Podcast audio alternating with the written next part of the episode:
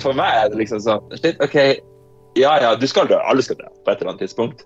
Og det å være død i seg sjøl for det første er jo ikke det noe. Du er ikke død. Når du er død, så er du, død, er du ingen følelser. Da er det ingenting. Da bare eksisterer du liksom ikke. Så sånn, Ideen om å være død for meg er ikke en sånn Eller det hadde jo ikke sugd engang, for det kan ikke suge, for det er ikke noe subjekt som det kan suge for. Mitt navn er Nikolai Skilmet, og du hører på Nå er det alvor. Hello, this is another one, another one, another one, baby. Welcome to Now Is It Alvor with Hans Christian and friends. We're going to be the best podcast that you ever did hear, and we're going to thrill you, we're going to teach you, we're going to entertain you. Like Britney Spears once said, there are those of us who observe and those of us who are here to entertain. And we're here to entertain you, bitch. Er du en av dem som bruker ordet beta i klatreveggen uten å vite hvorfor vi bruker ordet beta? Det finnes eh, faktisk eh, flere teorier på hvorfor vi bruker ordet beta når vi snakker om en fasit eller tips på hvordan man skal gå i spesifikk eh, rute eller løse et bulderproblem. En av de her teoriene er at det var en klatrer som het Jack Mileski på cirka, Ja, rundt 80-tallet, som filma seg sjøl mens han klatra forskjellige ruter med en såkalt Betamax-film dvs. Si en type filmteknologi som fantes eh, på den tida. Eh, så hvis folk da lurte på hvordan han gikk ei spesifikk rute, så brukte han bare å sende ut eh, en kopi av denne Betamax-filmen. Og vips, så ble ordet beta i klatring en greie. Det er altså en forkortelse på ordet Betamax. Sånn, vær så god, nå kan du være han der bedreviteren på klatresenteret som eh, sprer det glade budskapet om opphavet til ordet beta. Over til noe helt annet. Havre har vært en stor del av mitt liv helt siden jeg kan huske, faktisk. Da jeg var en liten gutt i Tromsø, så brukte jeg å spise havre med melk, rosiner, jordbærsyltetøy og shit tons med sukker på toppen til frokost å slurpe i seg denne lyserøde melka med jordbærsmak på bunnen av skåla var noe av det beste jeg visste. Toppingsene og tilberedelsene har endra seg litt opp gjennom årene, men jeg har eh, vedlikeholdt min kjærlighet til det her vidunderlige kornet. Men hva har egentlig det her å gjøre med Betamax, eller beta? Det lurer du kanskje på. Havre er fantastisk på veldig mange måter. Det er en eh, miljøvennlig kilde til protein, jern, B-vitamin, magnesium, sink, folsyre, kalium, fosfor, fiber, sunt fett, antioksidanter og aminosyren lysin, som ikke er så vanlig å finne i plantebasert mat. Det er billig, og det holder deg mett veldig lenge. For noen år siden så ble stempelet superfood gitt til importerte matvarer som f.eks. chiafrø og quinoa, som da kom fra f.eks. Sør-Amerika. Og det som er med havre, er at det er minst like sunt, det er mye billigere, og det blir produsert i Norge av norske bønder. Uansett, du lurer kanskje på eh, hva det her har å gjøre med Betamax, eh, eller Beta. Det jeg tenkte å fortelle dere, var det at eh, havre inneholder stoffet betaglukan. Beta-glukan. Uten å gå altfor dypt inn i materien, kan jeg informere dere om at et inntak av 3 gram betaglukan per dag reduserer, eller kan redusere, det såkalt dårlige kolesterolet ditt, LDL, med 0,25 millimol per liter, uten å endre det gode kolesterolet ditt, såkalte HDL-kolesterolet. En stor porsjon med havregrøt, dvs. Si 80 gram, inneholder alle de her tre grammene. Så der har dere det.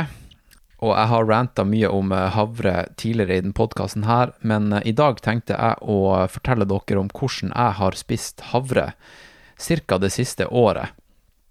Jeg har jo ranta mye om stilkøtt, steel cut havre og alt sånt der, men jeg tror etter at jeg flytta til Åndalsnes, så har jeg egentlig spist havre mer i fast form, altså ikke i grøtform. Og måten jeg har gjort det på, det er at eh, jeg har laga en type hybrid av havregrøt og knekkebrød. Så det jeg gjør Nå skal jeg slenge på litt eh, lydeffekt her. Eh, Jeg fyller en bolle med havre.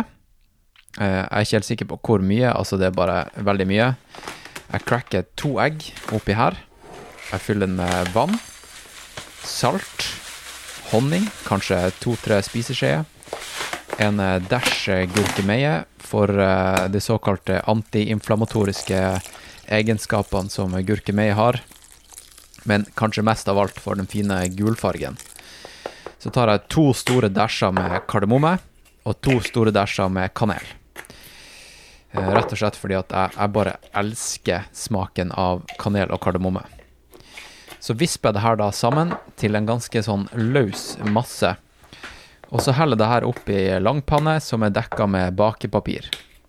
Denne eh, massen dekker hele langpanna og er ca. mellom 3 og 5 millimeter tjukk.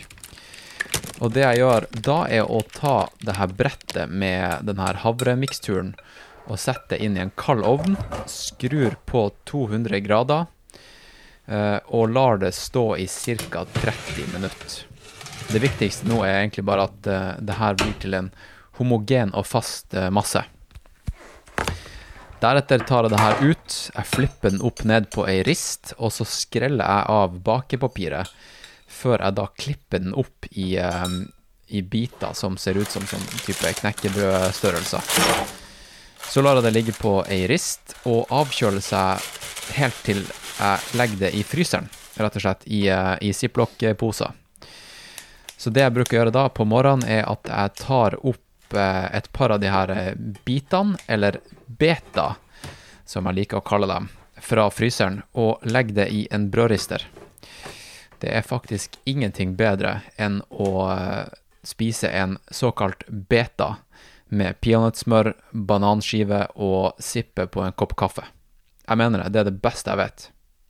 En av eh, grunnene til at jeg har valgt å bruke store deler av den introen til podkasten her til å fortelle dere om min fascinasjon med havre og hvor ufattelig bra havre er for kroppen, er at eh, dagens eh, sponsor, det er rett og slett Urkraft. Urkraft, næring til nye opplevelser, det er deres slagord. Neste gang du er i butikken og tenker å kjøpe et havreprodukt, ta nå og se etter Urkraft. Det finnes eh, på de fleste dagligvaresjappene i eh, landet. De har eh, veldig freshe pakninger, en veldig fet logo, som dere kanskje har sett før. De er, de altså, jeg mener det, de sponser virkelig de riktige folkene.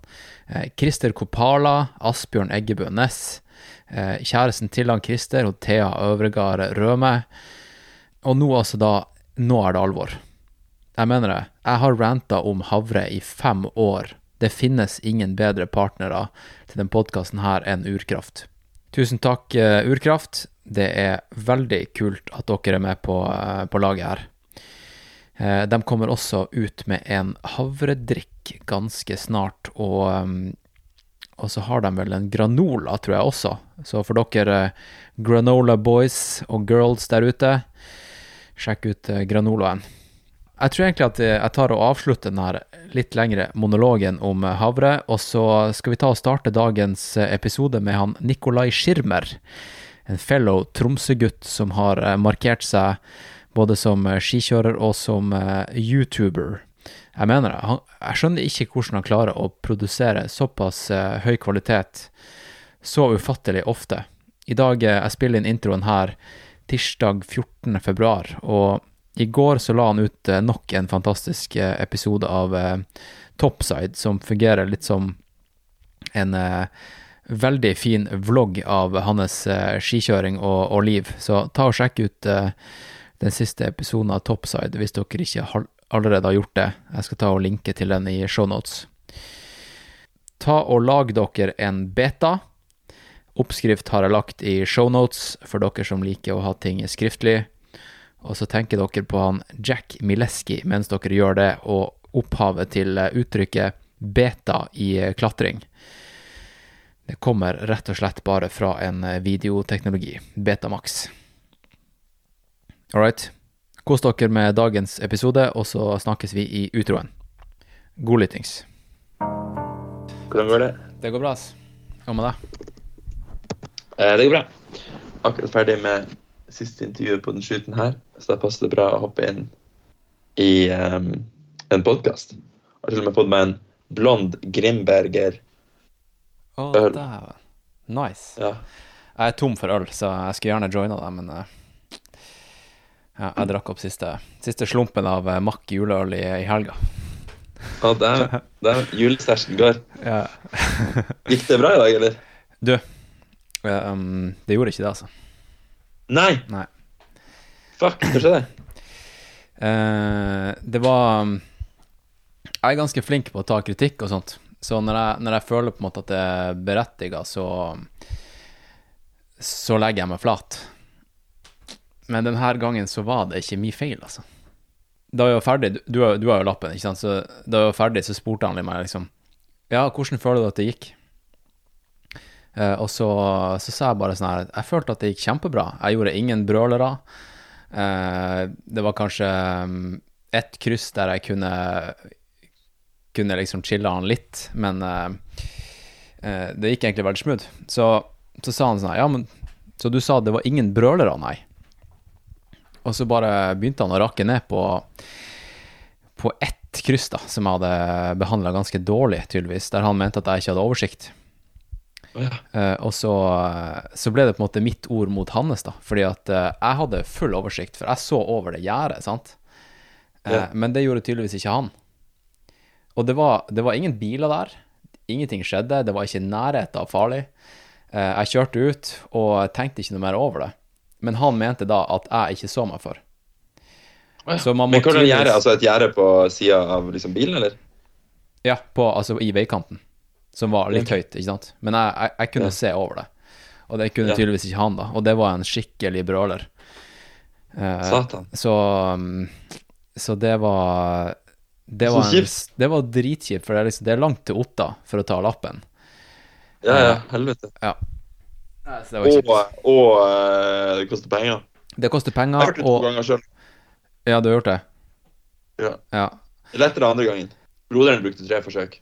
Tre Så, så ikke, ikke kjenn på det. Men Altså, eh, det var bare sånn her, fordi at, altså, jeg synes det er så, sjukt for fordi at det er ingen som kjører sånn som man gjør når man tar lappen. sånn egentlig. Nei, fordi at hvis, hvis jeg skulle handla riktig der, så handla det egentlig ikke om at Altså, jeg kasta et blikk til høyre, men det så Ja. ikke han. Så det jeg skulle gjort, var liksom å liksom Mimikken min skulle vært helt annerledes. Det skulle liksom vært, det skulle vært sånn teatralsk sånn Å, jeg ser til høyre. Ja. Å, jeg ser til venstre. Ja. Ja. Men det er også ganske interessant. Jeg tenkte mye på det på sånn fotoshoots og sånn, og eh, video og sånn altså, ja, filmshoot. At det er så jævla annerledes å gjøre jobben og det å gi inntrykk av at man gjør jobben. Ikke typ, hvis du har med deg klienten eller har med deg kunden, Mm. og så skal det liksom se ut som at du gjør jobben i tillegg til at du faktisk gjør den, heller enn å bare gjøre den. For det er ikke det samme. Det er liksom gi inntrykk av sånn om du sier. Så det er litt bare Men det er jo et skuespill, da, så du må jo vise at du er profesjonell. Altså Selv om du gjør jobben objektivt sett eh, perfekt, så må du også vise at du gjør en innsats. Så være overtydelig Ja. på, på småting for å vise at det er du som er profesjonell der. Sant? ja. når, når, når, de kan se prosessen. Nettopp. nettopp. jeg, jeg synes det er sykt interessant å se det. når man ikke ser prosessen, så kan man Ja, det er egentlig idiotisk. Man burde jo bare kunne gjøre prosess, eller Ja. gjøre resultat. Liksom. Men eh, du, sa, du, du sa at du eh, nettopp hadde gjort ferdig uh, noen intervjuer. Hva, hvordan prosjekt er det du holder på med nå? Eh, nå har jeg vært i, i States de siste uken og lagd en, eh, en kortfilm herfra til um, Vi skulle egentlig bare gjøre en greie. For vi har gjort en serie nå i vinter som heter Topside, som bare har vært sånn som følger gjennom vinteren. Men nå, og den har vært ganske sånn enkel. Da har vi gått ut en dag, filma det som skjedde den dagen, og så lagd en historie om det.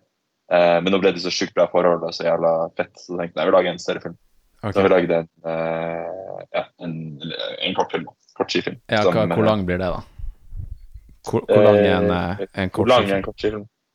Den kan være Jeg er litt usikker, egentlig. Jeg lurer på om den her kan være alt fra 10 til 20.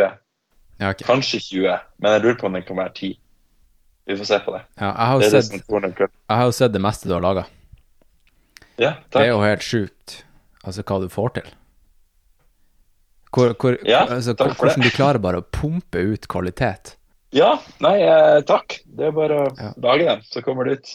La, la oss prate litt om, eh, om kreativ prosess, da. Vi skal selvfølgelig prate litt om, eh, om skikjøring og sånt, men eh, hva er det som gjør at, uh, at du og, og jeg vet ikke hvor mange som er i teamet, uh, klarer å være såpass effektive, da?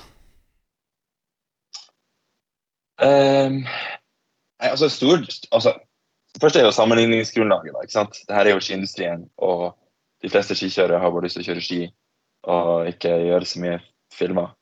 Det som er spesielt med meg, er jo at jeg har en kjærlighet for film som kanskje er like sterk som den kjærligheten jeg har for ski. da. Jeg syns det er veldig gøy.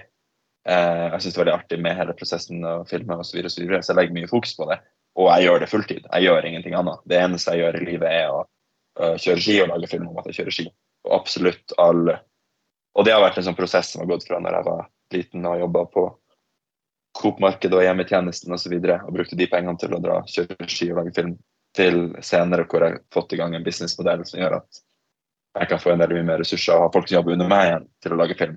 Så jeg har en liten institusjon der, da.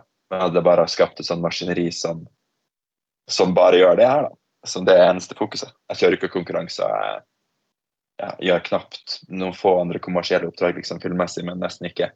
Eh, så det handler jo bare om liksom, at jeg retter fokuset mot det, og, og bruker all min tid. Og nå bruker opp masse andre folk sin tid også, da, Ja. på, eh, på å gjøre det. Rått, altså. Men eh, hvor, mange, hvor mange er det som er i teamet da nå? Eh, I vinter så er vi eh, da? Det er meg, som er liksom regi og litt klipp og produsent. Liksom organiserer alt eh, foran kamera. Og så har du Jonas, som er liksom eh, Hva kan vi si eh, DP. Director of Photography. Og han, og han ordner Ja, han er superflink. Han gjør liksom dronefilming og ja, styrer med lyden og alt mulig når vi er i felt. Eh, og så logger han det her, da. Vi jobber med liksom alle som er ute, har en mikrofon på seg. Man har GoPro, man har masse vinkler.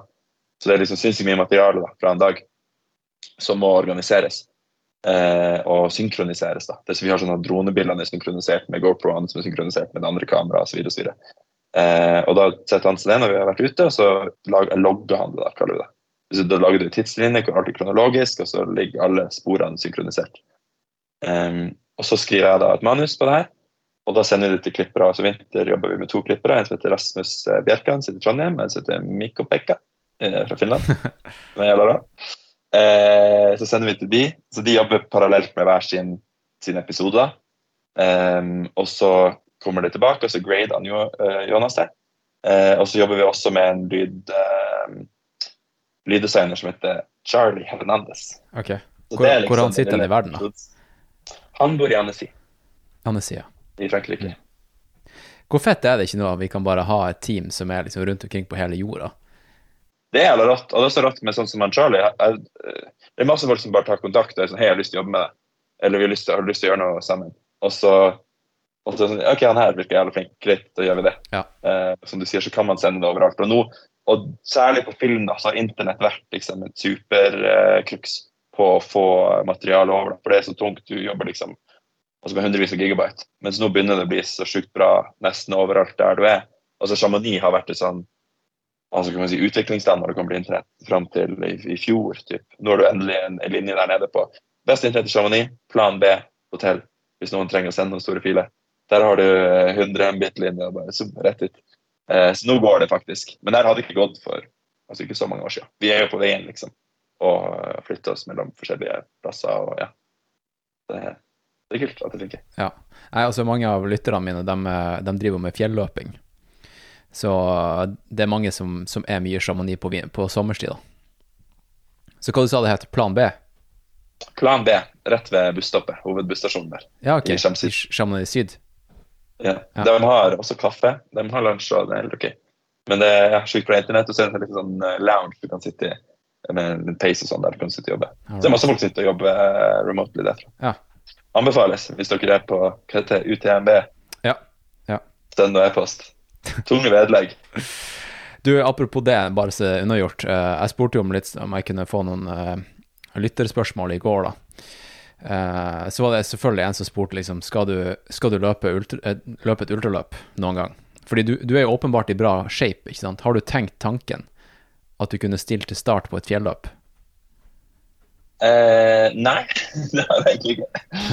Jeg vet ikke, jeg er litt sånn Jeg har egentlig aldri sett meg selv som en atlet, hvis du skjønner.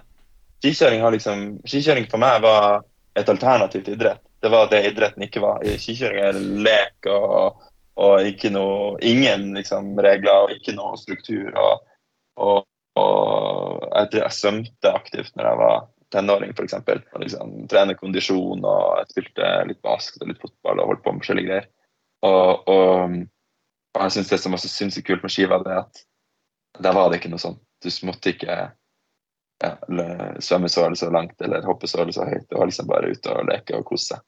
Um, og jeg prøver jo fortsatt å prøve å beholde det. Nå er det selvfølgelig veldig profesjonalisert og sånn, i forhold til hvordan det var, men uh, ja. Det, jeg vet ikke, jeg klarer aldri å liksom, tenke meg sjøl som en sånn idrettsfyr, hvis du skjønner. Fordi at jeg ikke fordi jeg har ikke noe struktur rundt det. Jeg går bare ut på ski og er så mye på ski som mulig, og så må jeg være i form. 100% Og jeg merker jo nå at jeg ofte burde vært i bedre form. Hvis jeg har nå hatt et, eh, nå har vi hatt værvindu på sånn tre-fire dager, og hvis du tre-fire dager ute og har fulle dager i fjellet, liksom 12-13 timer, og løper opp og ned og skal, og skal jo kjøre ski på liksom, Du må være i verdensklasse for at det skal funke. Eh, så kjenner jeg at jeg kunne vært i bedre form. Men så er det så vanskelig fordi at suksesskriteriet som proff skikjører er liksom Ja, det er kobla til skikjøringa, men det er i så sinnssykt stor grad kobla til konteksten av skikjøringa. Sånn som for min del, da når jeg var, jeg var skada i tur, jeg røyk akillesen og knakk ansiktet masse greier. Og da var det helt åpenbart for meg nå må jeg fokusere på gymmen, nå må jeg trene, nå må jeg tilbake for å kunne eh, leve det her livet jeg har lyst til å leve. Og, og da legger jeg ned tida. Da jeg gjør jeg trening til førsteprioritet og, og syns det er gøy. Jeg fant på et russisk styrketreningsprogram som var bare build muscles fast, og, og jobba med noen sinnssykt flinke fysioterapeuter eh, på Nimi. Og, og, det er artig, det. Superfett å se framgang, og, og trening er jo gøy. Men så kommer du til et punkt da, ikke sant? hvor du er god nok form til å kjøre ski. Kanskje ikke, kanskje ikke vært i bedre form, men du er god nok form til å kjøre ski i de værvinduene som er, og kan levere der. Og plutselig er det sånn da at min tid og min energi gir da sinnssykt mer uttelling om jeg legger det inn på liksom, produsentarbeidet, på innholdsproduksjon osv. osv. Eh, det, det å ha, ha det teamet jeg jobber med, da, f.eks., og drive de her kanalene, vil kreve enormt mye jobb. Eh, og da blir det plutselig en sånn avveining mellom at ja, selvfølgelig burde jeg hatt liksom, Kilian sitt eh, program for å ha utholdenhet i fjellet. Men da hadde jeg ikke hatt noen penger til å lage skifilmene. Så det blir en veldig sånn der eh, Man er liksom Ja, hvis, hvis det er mening. At det Ja, er ja, liksom, ja, ja. tidsbruken blir litt sånn uh, tricky. Men det funker jo åpenbart nå, da. Det funker. Eh, og det er jo gøy. og etter sånn som Nå er jeg på tur med Christer Kopal og Jonas. da, Og de er på noen sånne treningsprogrammer. Så de er sånn Vi er nå kommer ned fra fjellet og har vært ute en hel dag, og så skal de løpe 45 minutter. Ja, ok. Og, og, og vi har hatt litt sånn ampel stemning, for jeg har liksom prøvd å poke hull i det her. Men liksom, hvorfor tar du ikke å legge deg i sone 2 bare 45 minutter på skin tracker, liksom? Vi er jo i bevegelse hele dagen. Altså, er det sånn, nei, nei, det er ikke trening, liksom. Du må gjøre sånn og sånn. Men, uh, men jeg, jeg, en grunn til at jeg prøver å liksom uh, pirke i det, er jo fordi at jeg får dårlig samvittighet for at jeg ikke gjør det. Ja, ja, selvfølgelig. at, at uh, ja. Så I don't know. Men eh, kanskje en dag Jeg er jo 32 nå, og jeg føler at sånn der utholdenhetsgreie er jo en ting, i hvert fall for 40-årene. Så kanskje det er jeg slår gjennom som uh, ultraløper. Det er jo bare fordi det er da folk har tid, sant. Det er da folk er i midtlivskrisa. Det er jo nå vi er i vår prime. Ja, ja. Ja, ok. Ja. Får du løpe eh, sånn, eller?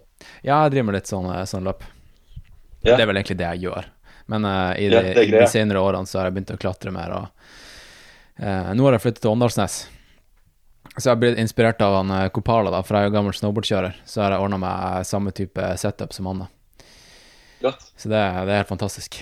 Det er, jo, det er jo takket være dere, egentlig, at jeg har eh, tatt fram de skillsene og ordna meg splitboard og Og ja, det er mye av æren.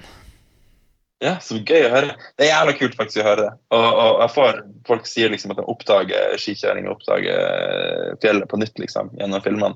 Og det er utrolig kult. Det er sinnssykt fett når du har noe som gir deg masse i livet, og så får andre folk ta del i det. da, Og oppdage det. Så det er kult å høre. Men Åndalsnes er jo trailrunning-mekka. Det er jo rett i hugget til han Kilian. Ja, ja. Han er vel nede i Mondalen der, så det er jo bare å tenke seg på. Ja. Og, og jeg setter utrolig pris på å bevege meg langt til fjells. Det er en sinnssykt kul følelse. Og det å være i form, og det å kunne ha lange dager uten å føle seg sliten eller sånn utkjørt, er jo fantastisk.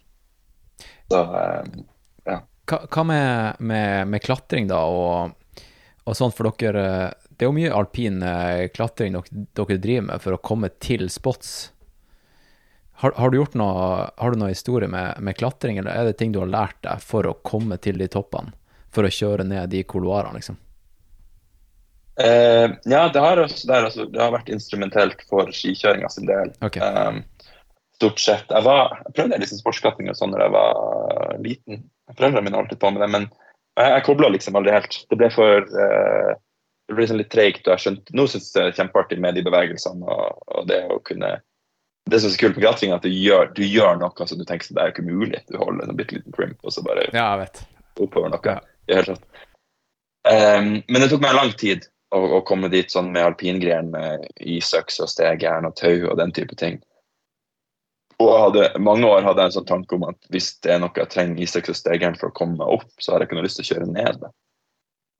Eh, som ung skikjører så var det jo å se de amerikanske skifilmene som var eh, idealet. Altså i første omgang liksom parkkjøring, og så eh, altså sånn Big Mountain Freestyle, det å drive og hoppe i pudder. Bygge hopp og kjøre sånne bitte små partier der du kan hoppe ut fra klippa og sånn. Eh, så det er først i, voksen alder at jeg kom inn på her med storfjell og, og den type ting. Men da har det vært en glidende overgang. Og jeg gikk fra sånn her og det å tenke at isøks og stegeren var teit, til å henge etter en arm i isøksa mi over et stup, uten helt å ha tatt en sånn bevisst avgjørelse om at det var noe jeg ville, eller det var en retning jeg skulle. Men jeg føler bare at det er et eller annet med fjellet som bare på en måte trekker deg inn da, på et vis. Og du opplever liksom, ok, shit, hvis jeg lærer meg ok, jeg bruker litt TU og bruker litt sikringsmidler og, og isøks og sånn, så plutselig kan jeg komme til overalt. Jeg vet. Jeg vet. Det, ja, Er det, ikke, er det ikke digg å bare kjøre ned en dal og se opp på fjelltopper og bare vite at du kan, du har teknikker og egenskaper som gjør at du kan bare komme deg til toppen på den der og den der og den der? Ja, det er helt rått. Det er en utrolig sånn Jeg glede og sånn frihet i det. da. Jeg, jeg sammenligner med du, du kommer til å føle det når du tar lappen. Jeg husker første gang jeg liksom, når jeg hadde fått lappen, det var sånn Shit, jeg kan kjøre hvor jeg vil. Akkurat hvor jeg vil. Og det kan jeg gjøre fordi at jeg har den ferdigheten her. Og, og den samme følelsen har jeg på fjellet. da. At liksom hele fjellet er en lekeplass. og og det å være komfortabel i alle mulige sånne situasjoner, da, det, nei, det er utrolig kult. Jeg setter utrolig pris på det. Du, du er fra Tromsø, det er jo jeg også. Hva, du er 32, sa du, så du er 91-er? Ja, jeg blir 32 på onsdag. Det var ei uke. Ja. Jeg kaller meg bare 32. Prøver å være gammel. Ja, ok. Så da er du er, er, 91. 91 er, ja. Hvordan var oppveksten din, da? Hvor du kom fra i Tromsø? Det er sikkert noen eh, lokale som uh, hører på, så vi kan, vi kan nerde litt på Tromsø. Tromsø. Tromsø. Eh, jeg kommer fra Prestlandet. Altså Prestlandveien rett ved Spacetech der. Ok. Um, så vokste opp eh, rett ved Prestland barneskole. Så skal jeg kunne gå til skolen når, eh, når ringeklokka ringte. Luksus. Eh, så det var smooth. Prestvannet barneskole var interessant. Det var mye, mye vold og slåssing. Seriøst? Ja, mitt kull var sånn ganske greit. Fikk noen issues sånn litt uti mot slutten, men eh, generelt var det ganske bra. Men sånn litt oppi alders eh, så var det var helt crazy, egentlig. Det er egentlig. Det er egentlig ganske sykt når jeg ser tilbake på det. Eh, sånn, det å gå til skolen hver dag og vite sånn Her kan man bli utsatt for liksom blind vold, og mest sannsynlig kommer noen til å bli utsatt for vold. Og tenk sånn, og det lot man barna sine gjøre. Men tenk, liksom, tenk hvis arbeidsplassen til noen var sånn at du gikk på jobb, og så var det sånn Noen kan bare slå deg ned. Jeg husker en gang det var noe som Jeg var ute i skolegården, og så var det det- Jeg husker ikke det her, da, for jeg så det ikke, men det er en, en kompis som beskrev det. Da kom det en fyr bak meg med liksom en stokk eh, som tydeligvis var litt råtten, for han tok den stokken, og så knakk han liksom over hodet mitt bakfra, sånn at jeg besvimte. Det er som å se film, liksom. Ja, ja, det er, sånn der, det er jo verre enn fengselsfilmer, liksom. Hva faen? Um, så det var jo egentlig ganske sjukt. Og når du er i det, så tenker jeg ikke sånn, så tenkte du ikke så mye over det. Sånn var bare verden. Og broren, storebroren min var to år eldre, Og dem hadde det liksom enda verre. Så jeg tenkte sånn, ja, bra vi ikke har det sånn. Men um, uh, det var jo litt spesielt. Bortsett, Morsomt, det var veldig hyggelig. Masse trivelige folk. Og, og Pressvann er jo en lekeplass. Det er jo masse skog og ja, friluftsområder. Skøyter på vinteren. Superfint. Skøyter på vinteren. Eh, mamma og pappa gikk på De jobba på UNN, da. Så de eh, tok, altså, gikk på ski. Altså, vi bodde rett ved Lysløypa. Vi går på ski til jobb. Det er jo sånn, Når jeg møter folk som ikke er fra Norge og forteller om det, så holy shit, liksom, det er jo sinnssykt eksotisk. Men Tromsø er jo langt nord, da. Man glemmer jo det når man bor der. Det er jo, det er jo over altså, polarsirkelen. og Hadde det vært for Golfstrømmen, så hadde det jo ikke vært noe som helst. Så eh, ja, det er jo helt spredt. Men det er ganske kult og det er rart altså, sånn, hvor mye man tar for gitt. da. Altså, En ting er vold på skolen, da, men det er masse fine ting. Altså, sånn, det er jo eh, altså, alle fjellene rundt Tromsø. Jeg husker jeg vokste opp i Tromsø og begynte å kjøre, eller kjøpe ski da jeg bitte liten. da, Og tenkte alltid at sånn, sentrum av norsk skikultur var liksom Hafjell og Hemsedal og de her plassene hvor jeg så de hadde stolheiser og de åpna anleggene tidlig. altså Kroken åpna liksom i februar ofte. Um, og jeg følte meg liksom sånn på utkanten. da. Og jeg husker sånn, jeg hadde sånn hunger etter å, en sult etter å komme ut i verden, liksom se alt, alt man kunne gjøre på ski. Og det som vært så kult med å være fra Tromsø, er det her med at nå har jeg sett hele verden. Jeg har vært liksom på ski i Japan, Grønland, Patagonia, altså overalt der man kan kjøre ski. Og, og det er sånn, nei, men Tromsø er faktisk i verdensklasse. Det er helt rått. Det er superfett. og, og det å vite at liksom Kattfjordeide, altså terrenget på Kattfjordeide er sånn er helt sinnssykt. Uh, det er så kult å ha det trodd? bare i bakgrunnen. Ja, hvem hadde trodd? Og, og det tar man så sjukt for gitt når man vokser opp i det. Og det å stå på et sånt fjell, og så har du utsikt til fjord, og, og du er 15 minutter fra en by med kulturliv og universitet og alt mulig rart. Så jeg syns det, det er kult. Det er helt sjukt. altså. Men, men eh, sant? jeg kommer jo fra, fra snowboard og, og Tromsø, og, og har på en måte vokst opp med, med det på tidlig 2000-tallet. Da tenkte ikke jeg så mye over eh, hvordan miljøet var for dem som likte å kjøre ski. Eh, hvordan, eh, hvordan var scenen på den tida? Hadde dere liksom et sånn her 1997-crew Um, som dere så opp til? Nei, ikke i like stor grad, tror jeg. Altså, jeg hadde ikke noe forhold til Altså, jeg tror altså 1997-gjengen, for de som ikke har sett det, med liksom Carl Christian og Stian Topani og hele, altså den, den filmen man Ja, kan se, ja. 1997 Forever, eh, og There's Always Next Season er vel Ja, jeg har jo podkastet med han Carl Christian, så noen lyttere Ja, kan eh, skjønne hva det går i. Ja, Hvis dere ikke har sett filmen eller hørt podkasten, så må dere gjøre det, for det er utrolig bra. Eh, men de hadde jo en sånn tanke om seg sjøl som i norgestoppen og i internasjonal særklasse, og det var de jo. Altså, du kan eh, Tapani gjorde en 1260 liksom, i 97, eller hva det var, Ja.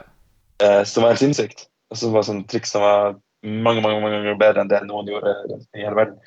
Eh, sånn hadde nok ikke helt jeg og, og de jeg kjørte med. Jeg hadde en god kompis, eh, Vegard Rye. Og vi oppdaga på en måte den her skikulturen sammen, da, som er det parallelle til eh, til, eh, til snowboardkulturen, som er filmene fra USA, og hele pakka, og kjøpte oss vintage-ski samtidig og sånn. Um, men jeg, jeg, altså, jeg forholdt meg ikke til at, at vi var gode på ski, hvis du skjønner. Vi, vi kjørte bare ski og prøvde å gjøre det de gjør på film, og, men alt det der var en sånn verden som var så langt unna at det var liksom ikke det var ikke sjans. Og, og, og på snowboard var det jo faktisk litt de greier som skjedde i Tromsø. Du hadde jo The Arctic Challenge, hvor alle de proffkjørerne kom opp. og um, ja, Det var liksom sånn Noe av snowboardverdenen kom jo faktisk til Tromsø, så man kunne se det. Mens på ski var det virkelig ikke det. Så jeg følte at vi, vi holdt på og gjorde det var greie og, og kjørte. Eh, men jeg hadde ingen ambisjoner om å bli Selvfølgelig hadde det vært fett å være proff, men for meg var det en sånn altså en sånn far out-greie. Altså, jeg, jeg visste ikke hvor jeg skulle begynne engang uh, når jeg var ung, ung skikjører i tenårene. Um, og det tok meg mange år jeg, hvor jeg liksom ja, min, min ambisjon var å være skiboms. Så, og, og det var kult. Jeg hadde en jævlig bra gjeng fra Tromsø som dro ned til Chamonix og gjorde masse sanger der. Uh, var i Alaska med en kompis som het Lars. Lars Andreas Nilsen. Um, og, og bare liksom ville kjøre masse ski. Men ikke før jeg kom ned til Chamonix og på en måte møtte miljøet, møtte det internasjonale miljøet og møtte de andre kjørerne, de folkene som faktisk var proff, og eldre kjørere som var proff. Altså, Før jeg liksom skjønte oi shit, jeg er jo faktisk vel så god som de her folk. Og, og jeg kan jo gjøre akkurat det de gjør, jeg må bare gjøre det jeg har, liksom.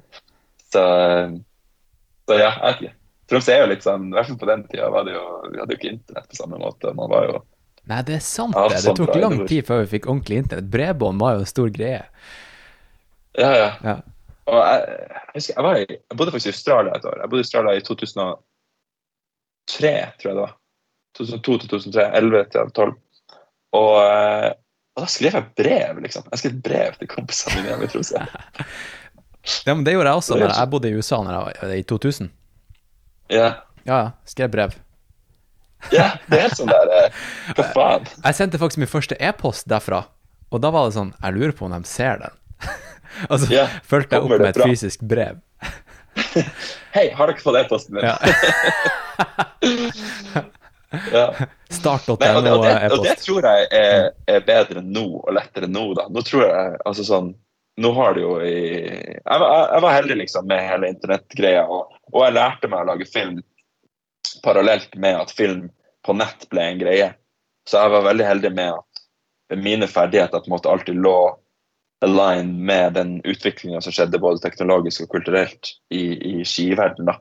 Eh, som ga meg de mulighetene jeg, har hatt. fordi at jeg kunne lage mine egne produksjoner. Og, og alle mine første sponsorene jeg jobba med, så var jeg alltid inne først som eh, filmprodusent. Og så liksom senere ble jeg altså, proff skikjører. da. Så, så jeg hadde en sånn litt sånn dobbel uh, rute der, da. Men, uh, men ja, det er tror på det er langt nå, liksom. Det er det, altså. Men har kameraet alltid vært med?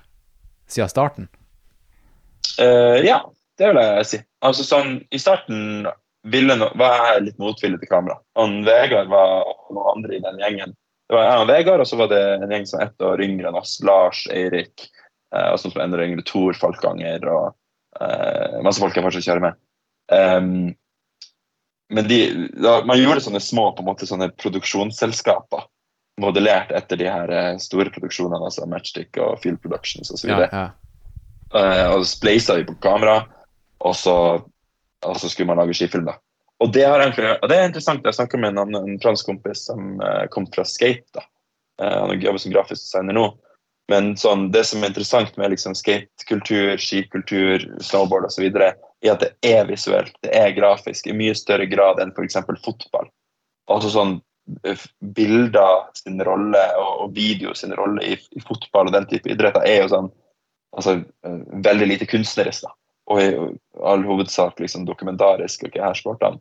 Mens i de her eh, actionidrettene så har det alltid vært en veldig sånn fokus på, på kunsten, om man kan si det sånn. da. Eh, ja men det er jo en estetisk sport. Altså, du velger jo din linje. Sant? Det, og, Ja. og det er ikke bare linja, det er måten du gjør den på. Definitivt. Og liksom, og måten det dokumenteres på, har så sykt mye å si altså, på hvordan det da ser ut. Så eh, ja, det går liksom hånd i hånd. Og mm, ja, i starten så, så var jeg ikke så gira, men så etter hvert så ble det Vi fikk noen penger fra Tvibit. Eh, Tvibit ja. Shout-out til Tvibit i Tromsø. Shout-out til Tvibit. Ja. Og litt synd for Tvibit, egentlig. For jeg føler at mange, i hvert fall i vår generasjon, har litt sånn, eh, tenker på Tvibit, så tenker man bare de klamydiatestene. Men Sant det. det var Men det var jævla faen et bra opplegg, altså. Der har du god støtte til kultur. Jeg husker i mange år jeg fikk penger liksom fra Tvibit og masse andre sånne kulturelle støtteordninger til å lage skifilm. Og i mange år så var jeg sånn Hva faen er det dere driver med? Liksom, gi meg penger til å dra ut på ski og tulle, liksom. Hva er opplegget? Men jeg bare tok imot, da. Eh, før jeg etter hvert liksom plutselig hadde en jobb, og folk hadde en jobb fra meg. Og det funker jo. Det funker ja. jo å støtte, støtte folk som har lyst til å få til ting. det. Det funker jo også bare å ha noen i ryggen som tror på deg, tenker jeg også. Det er ikke bare den cashen, men at det er noen som, som støtter deg. Ja, virkelig å ha noen som faktisk tenker at som man må levere til. Eh, sånn at du faktisk eh, setter deg ned og gjør det arbeidet.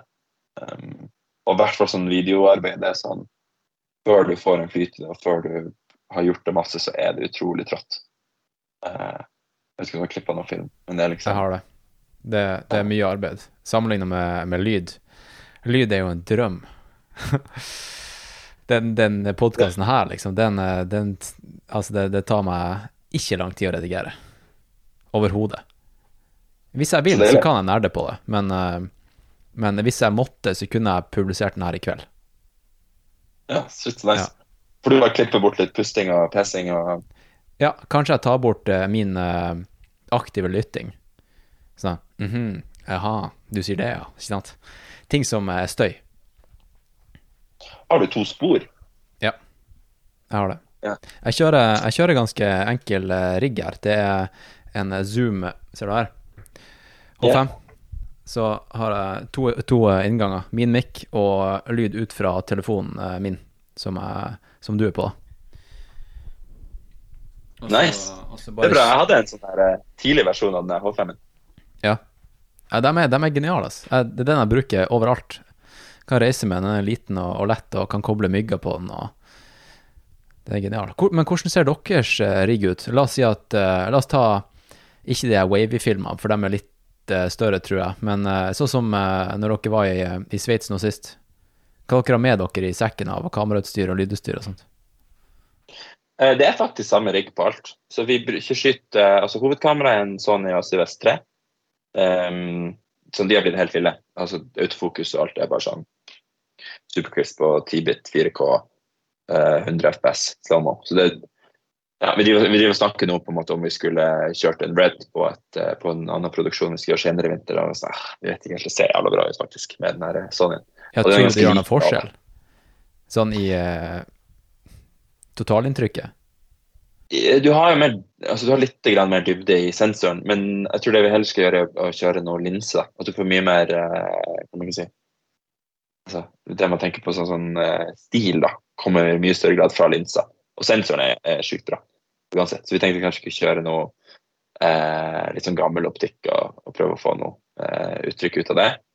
Um, men nå, altså, samtidig sånn, autofokuset funker jo bare med ny optikk. Og, og det er egentlig rart med film, fordi at et perfekt bilde sånn Nå er jo nesten alle bildene perfekte, så lenge du eksponerer det riktige og riktig hvitbalanse, som man Jonas alltid har. Eh, så er det perfekt, Men det kan bli litt sånn dølt, på en måte. For det er for, for Det er bra. for bra, ja. Og sånne, ja, ja, og sånn som hvis du ser den siste Batman-filmen, for eksempel, så sliper de linsen for å gjøre dem uskarpe, og de skanner filmen inn på Altså de skyter digitalt på sånn superdyre fancy Ari-kamera, så skanner de det over på film og tar tilbake igjen. Det er sjukt. Det visste jeg ikke. ja, så du gjør masse greier med bildet for å liksom gi det en slags sånn karakter. da. Um, det gjør vi ikke i så stor grad men nå, da, for vi har et sånn høyt produksjonstempo. Men nå i vår tenkte jeg kanskje å, å prøve å leke litt med det da, på noen filmer som skal ut til høsten. Uh, men så er hovedkameraet Sony ACVS 3, og så bruker vi fortsatt faktisk Mavic 2, DJI Mavic 2 drone, ehm, som er Ja, det er gjerne liksom interessant, fordi det som er med når droner blir mer og mer høyteknologisk, så kommer det mer sånne restriksjoner sånn inn på hva du kan gjøre med den. Så det er en litt eldre drone. Den har et veldig fint bilde. Slutt på en sånn entommersensor. Eh, altså, ja. Altså, absolutt, ah, det som er alle filmer bruker det her. Sånn kinofilmer bruker samme drone. Liksom. De gjør det, ja. Så- Ok. Ja, så teknologien har blitt så Eh, Det er ikke forskjell når jeg begynte da. Nå er teknologien sånn at vi kan lage like fine bilder som altså en stor, dyr produksjon eh, til en veldig billig penge. Og den dronen er bitte liten, den er et halvt kilo, og du får den ned i sekken ved siden av, eh, ved siden av det sånne kamera. da. Og, og til og med da, eh, når jeg ikke er ute med han Jonas, da, for eksempel, så kan jeg kjøre en sånn solorigg hvor jeg har dronen i sekken. Så bruker vi GoPro-kamera og et lite sånn kompakt Sony RX100 til å filme. Og så har jeg en kontroller, og så har en Christer en kontroller. Eller hvem andre jeg er ute med. Og så kan vi da filme hverandre med samme drone. Sånn at jeg kan kjøre ned, land, og så lander han Christer drone etter han filmer meg, og så fyrer jeg dronen opp og filmer han. da. Da, for et team. Eh, Altså, ja, det er team effort. Ja, virkelig. Altså, det er ikke bare flinke kjørere, men uh, dere er med på produksjon. Ja, det må man. Ja, Ja, altså, må I aller høyeste grad. Alle sammen, liksom. Det er virkelig en team effort. Ja, nei, virkelig. Og, og det merker jeg også så sjukt på sånn det å jobbe med sånn som Christer, vil jobbe sammen i mange år, og han forstår også at For det er en ting Det vi gjør, er jo å formidle opplevelsen vi har ute i fjellet. Og, og det krever et eller annet. Det er ikke bare sånn da, Du må faktisk si noe om hvordan du har det. Har du det jævla fett, så må du si det til kamera, liksom. Eh, har du det ikke så fett, så må du også si det til kamera. Eh, eller hvis du, har det så kjipt at du ikke vil si det til kamera, så nå må noen andre si det til kamera. For det at det seeren ikke får informasjon om, har ikke seeren informasjon om, og da forsvinner det bare. Eh, og vi jobber jo, alle har mikrofoner på seg, og du må passe på at den alltid er altså sånn at du kan plukke opp lyden, at du ikke legger dunjakke over den osv. Så, videre. eh, så det er sjukt nice å jobbe med de folkene jeg jobber med over flere år, sånn som Christer og eh, ja, andre folk som har vært foran kamera. eh, litt, da. Eh, så det hjelper. Og så er det, ja, så er det masse GoPro, og um, så nå bruker vi litt sånne små kompakte kamera. Men det er sinnssykt sånn smooth setup. Og målet da, er jo som sagt det er å formidle opplevelsen vi har. da. Og et krav for å få det til er jo at produksjonen blir så lite påtrengende som mulig. At den blir så lite altså, intrusive, som man sier på engelsk. At det bare, det, den kan være der uten at du tenker på det uh, når du er der. Skal ikke ødelegge for turopplevelsen. Ja, akkurat. Og det er sånne ting jeg pleier å si hvis jeg gjør noen kommersielle shoots og sånn også, at vi er ikke skuespillere, liksom. Vi er ikke vi, vi, vi Jeg har ikke evnen til å komme opp på en topp tre ganger og gjøre takes, og det høres genuint ut, liksom. Det må være Vi må fange det som skjer, og de faktiske opplevelsene som skjer, fordi at ellers blir det bare cheesy og teit. Eh, det er det ene, og det andre at da blir det en skittig opplevelse for, for oss som er der. Og, og min filosofi rundt hele det her opplegget jeg driver med, er at eneste grunn til å gjøre det, er at det er, at det er fett og at det er gøy. Og, og, hvis man gjør det på en måte som gjør at det ikke er fett og gøy, som er veldig lett altså En sånn tradisjonell måte å lage skifilm på kan fort bli veldig kjip. Det kan være en kjip opplevelse fordi at det er ikke å gå opp og kjøre ei fett linje. Det er liksom å gjøre masse takes på masse tull, og kanskje du feiler på det, og det er ikke noe artig. Mens det vi gjør nå, er liksom bare å dra ut på en eller annen sinnssykt fett tur og kjøre noe du har sinnssykt lyst til å gjøre Kanskje du får det til, kanskje du ikke får det til. Det er ikke så farlig, vi fanger det uansett. Og så er det det vi formidler. Um, og det er, det er ikke lett, liksom. Vi har brukt ja, ti år på å liksom, få det til å få en pakke, en produksjonspakke hvor vi faktisk klarer å gjøre det. da. Uh, jeg husker veldig godt i, Jeg hadde en, fått, uh, fått, masse penger til å lage film. Jeg var 20 år gammel og vi skulle til Lyngen. Og um, liksom sponsa og svært RED-kamera og opplegg og opplegg. Og det, var, og det var, så sjukt vanskelig, for det ble snøstorm, og liksom sette oss fast på fjellet. og Man må begrave masse utstyr og ja, masse ting som går galt. Og det at når ting begynner å gå galt, og det å da klare å tenke regi, og det å da klare å tenke film mens det går galt Og risiko. Og risikohåndtering i tillegg. Ikke sant? Ja. ja, altså mens snøskredet går, mens du henger der etter isøksa, mens broren din faller ned i fjellet, mens whatever. OK, det her skjer og du må selvfølgelig gjøre alt du kan for å håndtere det på en god måte, men du må også dokumentere det. Og tenke liksom, hvordan får jeg det her med meg. Eh, det krever litt, da. Og det så det tar tid å få til. Men nå gjør vi det ganske smooth, uten å liksom tenke for mye over det. Ja, Nå er du tungvekter, da. ikke sant? Nå har du vært eh, innom det meste. Du kan bare dra. Gammel, vet. Ja. Men, men eh, jeg snakka litt med han eh, Magnus Midtbø om det her, for at eh, du er jo på en måte skiverdens Magnus Midtbø, vil jeg si. Eh, på mange måter. Og, og han, eh, han, tenker jo veldig mye, sånn som alle YouTubers, Skap, skapere, vil jeg egentlig bare eh, kalle, kalle oss, da, er jo liksom yeah. eh, thumbnail og tittel og hva som fenger. Eh, hva kommer først når du skal ut på tur? Er det 'jeg vil kjøre den linja', eller tenker du vil den linja skape en fet tittel og thumbnail? Hm, kanskje jeg dropper den linja der? Kanskje jeg drar dit i stedet?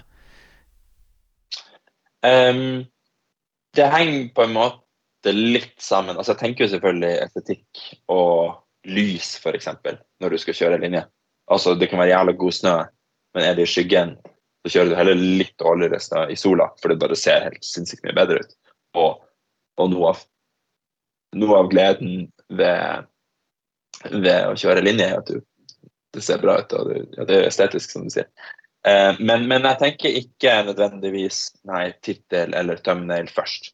Eh, Hovedfokus er hva har jeg lyst til å gjøre, hva har vi lyst til å gjøre. Det må ikke være mitt, kanskje noen andre har lyst til å gjøre noe som er kult. Men jeg føler premisset må være for min egen del da, hva er gode opplevelser for oss for igjen eneste grunn til å gjøre det her er jo at det skal være morsomt for oss. Ja, ikke. Eh, hvis ikke så kunne jeg gjort noe som var mer produktivt for verden enn, enn å lage YouTube-filmer. Eh, og, og, der er nok Magnus flinkere, sånn YouTube-messig. Han gjør jo masse greier som gjør seg bra på YouTube. Ja, ja, og jeg vet ikke om han liker det, liksom, men jeg tenkte sånn, ok, det her var kanskje ikke den råeste klatreopplevelsen for Magnus, men det ser bra ut på, på, på YouTube. Og han gjør jo en mer sånn hva man kan si, ja, litt mer sånn program på den måten. Eh, og jeg, skal, jeg kjører drama og prøver å melke thumbnails og titler så mye jeg kan, jeg også. Eh, men det kommer i andre andre rekke, da, definitivt. Og, og min og vår opplevelse er det hovedfokuset. For det liksom, det å være skikjører er liksom det kommer ikke til å være evig. Og hvis du ikke har det kult de årene du, du gjør det, så er det liksom ikke så mye poeng. Så, så jeg prøver å ha det, det fokuset først. Men, men igjen, det, det, er så viktig med thumbnail og titler. Fordi at det er de eneste to tingene seeren har å gå etter. Og det andre som man også må tenke på, det er en ting masse folk i skiindustrien ikke tar høyde for, det er jo at hvis du har suksess Suksess innebærer at du når folk som har ingen kjennskap til deg. Suksess innebærer at du når millioner av folk som det eneste inntrykket de har av produktet ditt, er den thumbnailen og den uh, tittelen. De har ingenting annet å gå etter.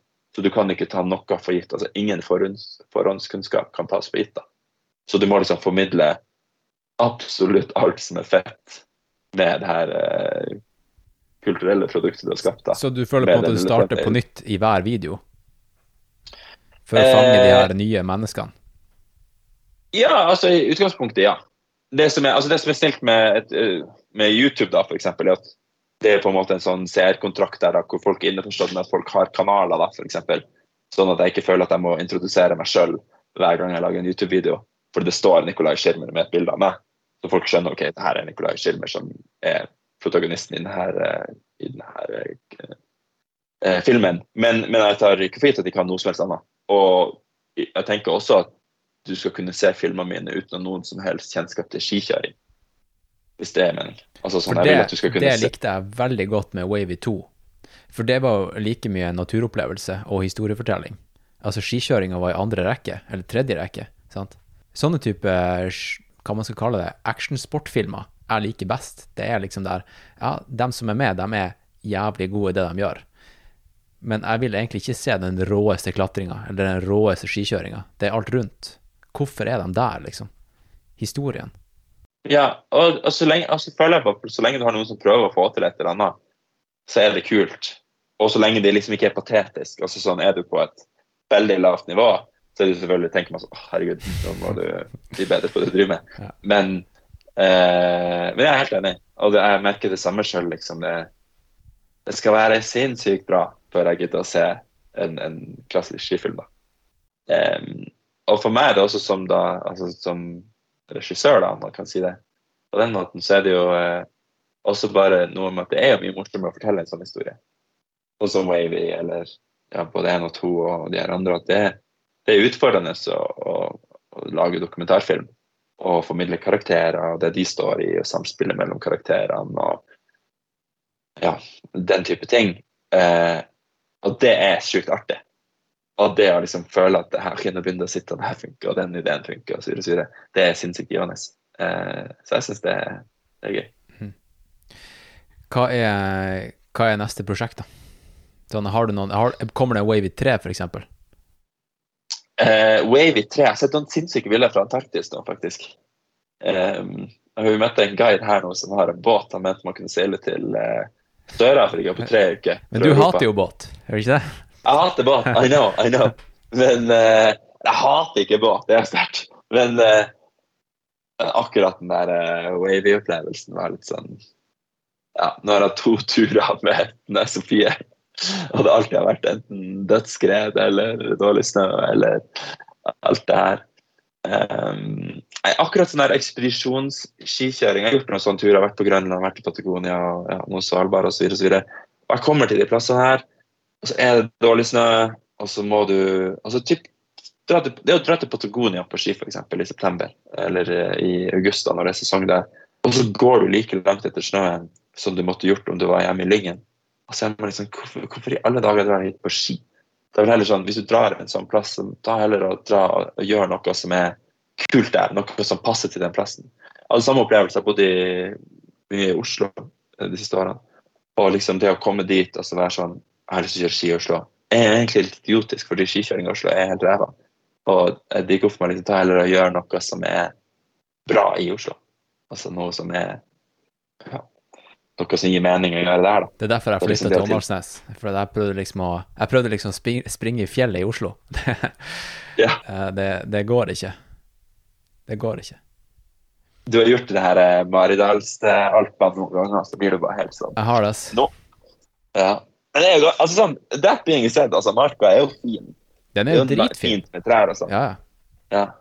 Men det er en helt annen opplevelse. Du ser jo ingenting. Du er liksom inne i de her trærne, og du har liksom ikke det overblikket. Det er det alle Så- som kommer fra Nord-Norge sier. At de føler seg Det er liksom close. klaus. Ja, ja du blir liksom fanga. Og min følelse Altså, nå har jeg masse familie, altså hele familien faktisk. Ingen bor igjen i Tromsø. Alle er i Oslo. Så jeg Å, er en del i Oslo, og det er fint, det, liksom, men ehm, Jeg får bare en sånn intens følelse av at det er så langt til alt som er fett. Ja. Hvis du skjønner? Ja, ja. Altså, Ja. du kan kjøre til Hemsedal, ja, du kan kjøre til Vestlandet, men det er liksom, det er et fuckings mission. Og sånn i Tromsø nå, så har jeg sånn, kjøpt elsykkel i sommer. En kompis som overtalte meg til det. Eh, og det er evig takknemlig. Tusen takk, Tor. Eh, for det er bare sånn, jeg Shout-out til Tor, ja. Eh, Det er sånn, og Barkeriet, som hooker opp en hyggelig pris. Um, eh, jeg kan liksom være hjemme jeg bor på Røstbakktoppen, da. Ja. Og jeg kan sykle på den sykkelen og være liksom langt bak i Tromsdalen, altså opp bak Bøntuva og sånn, eh, på en time. Og være et sted hvor du sånn, det er bare fjell, det er ingen Altså, bebyggelse. El-terrengsykkel. Ikke sant? El-terrengsykkel. Ja, ja, ja. Ja. Og, og det er bare så fett, og det er så deilig. Og det er sånn, og det å sitte da, La oss si jeg har en dag jeg sitter og klipper masse og har masse kontorarbeid. Og det er bare en sånn utrolig frihet i å vite at det å komme seg ut i naturen og det å kjenne på alt som er der ute, er så nært. da. Det er sinnssykt nice. Og du kan liksom ta en time, to timer, så har du fått dosen din. Ja. Ja. Men eh, ser du noe av forskjell i, i eh, seertall når du lager filmer fra Alpene kontra Lyngen, f.eks.? Uh, gjør jeg det? Tror på en måte ikke at jeg lager nok filmer til å ha et representativt uh, sample, om man kan si det sånn, på sånn vitenskapelig. For jeg har altså, jeg gjorde en eh, film fra Chamonix med Arif Låt, som har gjort det dritbra. Um, men så har jeg også gjort altså, sånn Wavy fra Finnmark har fått snart en million visninger. Og jo, Lyngen, den mest sette filmen jeg hadde fra Lyngen. Um, så ikke Nei, ikke nødvendigvis om, om det er Alpene eller hvor det er, men, men det, jeg merker at det er lettere å lage film på en måte i, i Nord-Norge, fordi at Eller i Norge, da, fordi at sånn spektakulær natur er så tett på, og det er så mye mindre ting å forholde seg til. da. Så når du er i Alpene, så er det liksom Du har alt det som er risikofaktorer i fjellet, altså med snø og, og bre og alt det her. Men så har du i tillegg en sånn her eh, spill som er infrastruktur og folk og alt det her. da. Åpne heisen, er du først i heisen, er det spor der, osv., osv., osv. Så ja, jeg syns det er nice å dra til Alpene bare for å få kjørt mye ski. Eh, og for å få sol. Og for å få drikke Grimbergen Bland eh, øl. Men, eh, men har, det er et annet tempo. Det er en egen sånn ja, Det er behagelig å lage film i, i Norge, da. Eh, sånn sett. Men, eh, men jeg jeg, føler bare, jeg føler faktisk YouTube er veldig sånn rettferdig. Altså, er, det bra, er det bra, så blir det sett av mange folk, og man setter folk pris på det. Og algoritmen plukker jo opp om folk liker det. Altså, hvis folk blir sittende og se på, så sprer den det videre. Hvis folk ikke blir sittende og se på, så liksom gjør den ikke det. Men, men dere snakker engelsk. Eh, hvor, hvor mye Hvor lenge tenkte du over det før du eh, gjorde din første engelske film, da? For det, er jo eh, Jeg vet ikke om det satt langt inne. Um, jeg tenkte egentlig ikke noe over det. Du gjør ikke det? Det var rett på engelsk? Ja, og, og altså, altså de som hadde gått før meg på YouTube, var liksom Jon Olsson og eh, Jon Olsson da, og Jakob Wester til dels, og, og alle, alle skifilmer er jo på engelsk. Ja, altså, bortsett, bortsett fra Field Production, liksom, som gjør det på norsk. Og så tror jeg også det er en utrolig stor forskjell på altså, hvor komfortabel du er med engelsk. Sånn, jeg, har, jeg bodde i Australia da jeg var liten, jeg har reist masse og har liksom altså, ja, i perioder liksom tenkt på engelsk, fordi jeg har vært så mye på tur. Så for meg er engelsk det er, ja, Jeg snakker like gjerne engelsk som jeg snakker norsk. Jeg føler ikke at jeg blir en blir nok kanskje litt annerledes person fordi det er et annet språk, men jeg føler ikke at jeg blir noe mindre person, hvis det gir mening. At jeg har noe mindre av meg selv å by på. Eh, og for min del så var det bare sånn, selvfølgelig må jeg snakke engelsk. Norge er et bitte, bitte lite land. Og jeg ser sånn som i Frankrike, det er veldig mye skiinnhold som er på fransk, og jeg er sånn, ah, det, det suger. fordi at du må lese tekster, og du får det ikke med deg, og det er sært. Um, og nå er sånn rundt 30 av seerne er fra USA. Og jeg tror bare sånn 8% eller 10 som er fra Norge. Det resten er liksom internasjonale. Så det er liksom For meg er det bare en sånn erkjennelse av at hvis altså I skiindustrien, hvis du vil hvis, Ikke hvis du vil ha suksess engang, men hvis du bare vil få det til å fungere, så må det være internasjonalt. Det må være eh, ja, til et svært publikum, for ski er en såpass liten nisje. da, at Hvis du skal begrense det til ski, ski i Norge, så blir det veldig vanskelig. Ja. Så det er, jo, det, er ikke, det er jo, ikke, bare det å ta for gitt at dem som er med i teamet på tur, også kan snakke engelsk eh, med deg og alle i teamet på en behagelig nok måte til at man kan også snakke om f.eks. Eh, risiko og skredfare og alt sånt der. Tror, tror, du det noen gang har, har gått på bekostning av sikkerheten? Um, nei, eh, nå jobber jeg mye med Jonas, da, f.eks. Stort sett egentlig med Jonas. Så, liksom, så vi, har, vi, har, vi, har, et arbeidsspråk som er engelsk uansett. Um, og jeg merker jo at altså, merker, altså, Folk kan jo snakke engelsk, liksom, i Norge. Det, jeg, har aldri vært på, jeg har vært på tur med noen som har vært litt sånn ubekvem noen ganger. Og, og, du kan merke det også at hvis det blir en veldig seriøs situasjon, hopper kanskje noen over på norsk. Eh, at hvis liksom, plutselig ting begynner virkelig så at shit, går det egentlig bra? Eh, eh, så det er kanskje Vi gjør masse ting som går utover sikkerheten. Altså Det at du filmer i utgangspunktet gir deg et enormt insentiv til å pushe det hardere ja, enn hvis du ikke filmer. Og, og, jeg har fått pushback nå på bare måten at jeg er i fjellet på. At jeg tenker at masse ting er enkle og, og kanskje ikke så utfordrende. At det kan legge et press på de rundt meg, da. jeg så jeg i siste filmen. Du var i en liten fight ja. med Jonas, sant? for du overvurderte alle de andre i teamet. Ja. Var ikke det tilfellet? Ja, eh, ja, eller jeg vet ikke om jeg overvurderer det, men det er mer bare sånn ok, Hvis noen spør meg hvordan er det å kjøre ned med greia her, så er jeg sånn Nei, det går fint, det er litt sånn og sånn, men det gikk fint for meg. Og så er det litt sånn Da tenker jeg kanskje at da kan noen andre eh, gjøre sin egen vurdering. Men så er det jo kanskje ikke helt sånn. Ta eksempel ta jeg tar med lillebroren min opp på en stupbratt fjellside i, i Lyngen. da. Og så, og så vet han er flink på ski, liksom, men, og jeg vet han kan komme seg ned den fjellsida trygt. Men selv om jeg da sier til han kjør rolig, ta det med ro, ikke push det for hardt, det her er ei seriøs fjellside. Når det da kjører tre erfarne skikjørere før han som dundrer ned fjellsida i full fart og hopper og hyler og koser seg, Selvfølgelig har han også lyst til å gjøre det, selv om han kanskje ikke har ferdighetene eller erfaringa til å gjøre det. Ja, Og det er kamera til stede, så vil man jo prestere, og, sant? Ja, 100% Så det, det, er noe av det, da. Og det er kanskje samme da, f.eks. i denne siste filmen der det er litt sånn skummelt, litt sånn eksponert, litt sånn steinete parti som jeg da kjører ned eh, uten sikring eller tau eller noe. Så, så jeg tror alle kunne klart det OK, men kanskje de ikke er komfortable med det, og kanskje de føler press på å gjøre det nettopp fordi jeg gjør det. Uh, men så igjen så blir det et spørsmål liksom, for at jeg ikke gjør ting jeg får til ut fra en frykt av at andre da vil uh, gjøre det samme, det blir jo vanskelig. Og liksom, hvordan rolle skal man ha? Jeg fikk masse kritikk i kommentarfeltet fordi jeg var en dårlig guide. Og så er jeg sånn, men jeg er ikke en fuckings guide. Leste du kommentarfeltet? ja, ja, klart ja, Du er med og kommenterer tilbake og sånt. Er du aktiv? Eh, noe av det. Jeg syns det er masse interessant. Eh, vi gjør en del sånn klimaaktivisme og sånn, og da er det veldig mye interessant. Mye av de fjellgreiene er litt mer sånn Altså, det er vanskelig, ikke sant. Folk Hvis noen ikke ser gleden i å kjøre ned et bratt fjell, så gir det jo ingen mening. Altså jeg hadde en som kommenterte når vi kjørte sørsida av Skamtind i fjor vår, og så var det noen som kommenterte Faen, så idiotisk å kjøre den den linja der når det er masse trygge linjer liksom, ved siden av. Mens for meg er det helt åpenbart at hvis du har ei linje fra toppen som er kjørbar og estetisk og ser kul ut, så det er den kuleste linja. Men det er liksom smart. Liksom. OK, noen liker rødt, noen liker grønt. Ja, det er vanskelig å, å sinne på. Men uh, ja, kommentarfeltet er en egen, uh, det er en egen greie. Vi, vi kommer ikke unna uh, uten å snakke om risiko.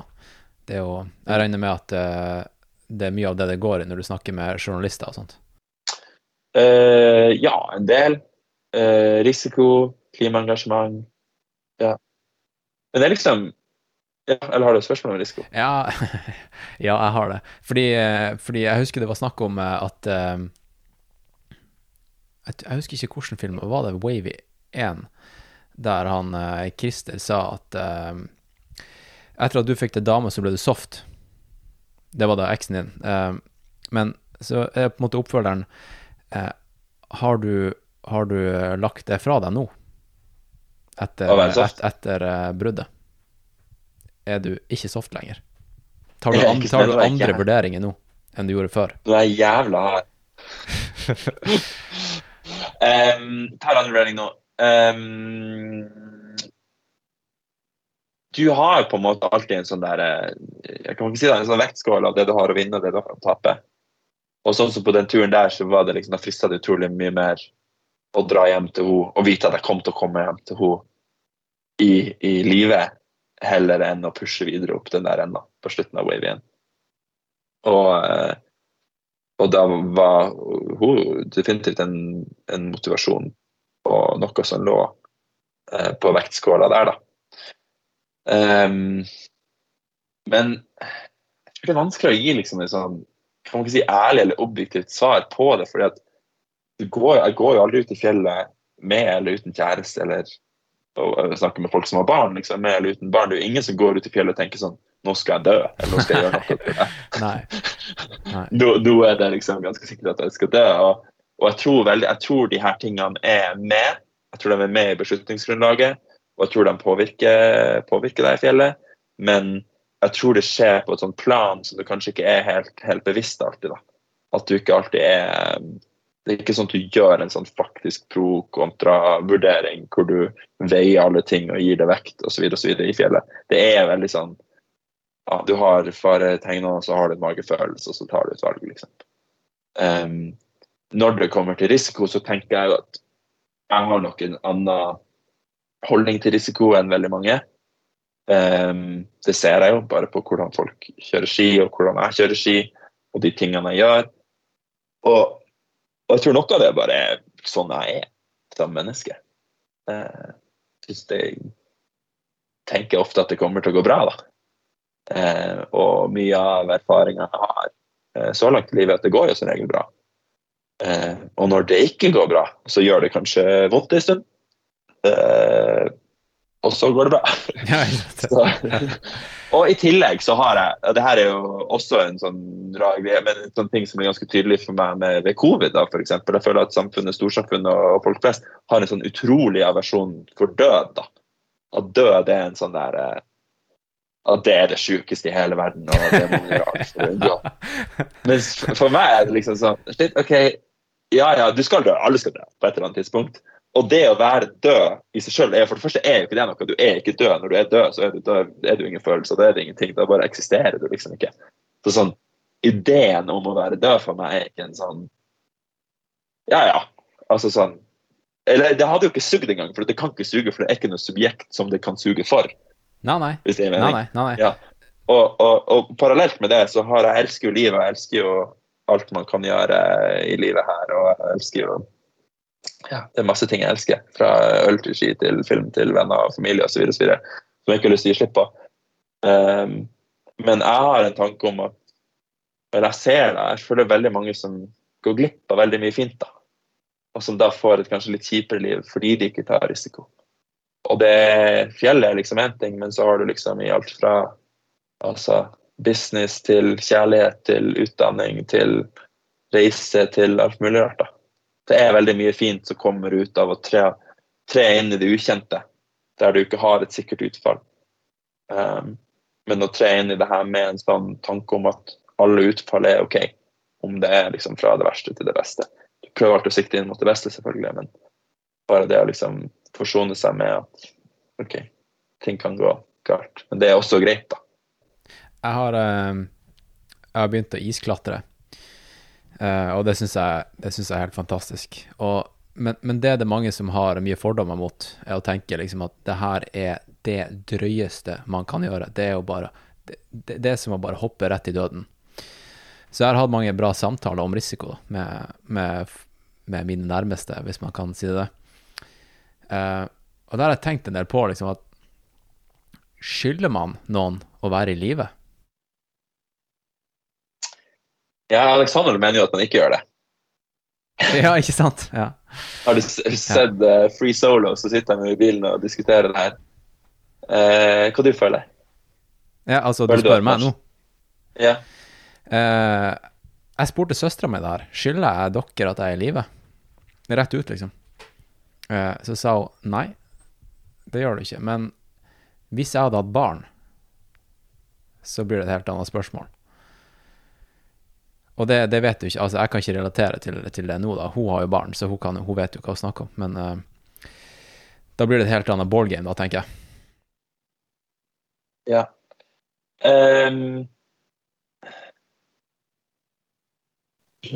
Livet? Jeg føler jo på en til viss grad det, da.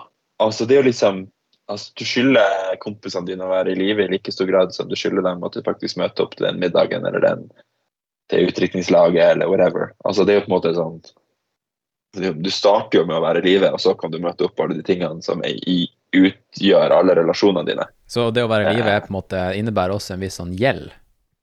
Nei, ikke en gjeld, men mer bare sånn Altså, det er ingenting som er gratis i den forstand, da. Altså, du ha, hvis du vil ha et vennskap, så må du gi noe til vennen din. Det er jo ikke sånn at du du er, du altså sånn, ja, du kan ha en venn du ikke har sett på noen år, men det må være sånn ok, hvis du faktisk er venn, hvis du er i samme by og liksom så og ringer dem, så innebærer jo det vennskapet at man har en slags forpliktelse til å gi av seg sjøl til hverandre. Eh, og for å kunne gi av seg sjøl, så må det jo være et, et selv der som kan gi. Og da må det jo være i livet.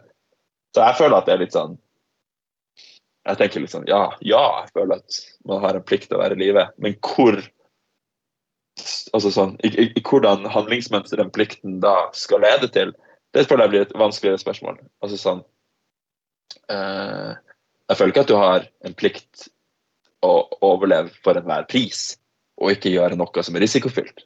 Det føler jeg ikke. Men, men hvis du først gjør det, så når du er i en sånn risikofylt situasjon, så føler jeg at man burde prøve å overleve eh, for enhver pris. Eh, hvis man setter pris på vennskap og, og andre relasjoner, familierelasjoner osv. Så, videre.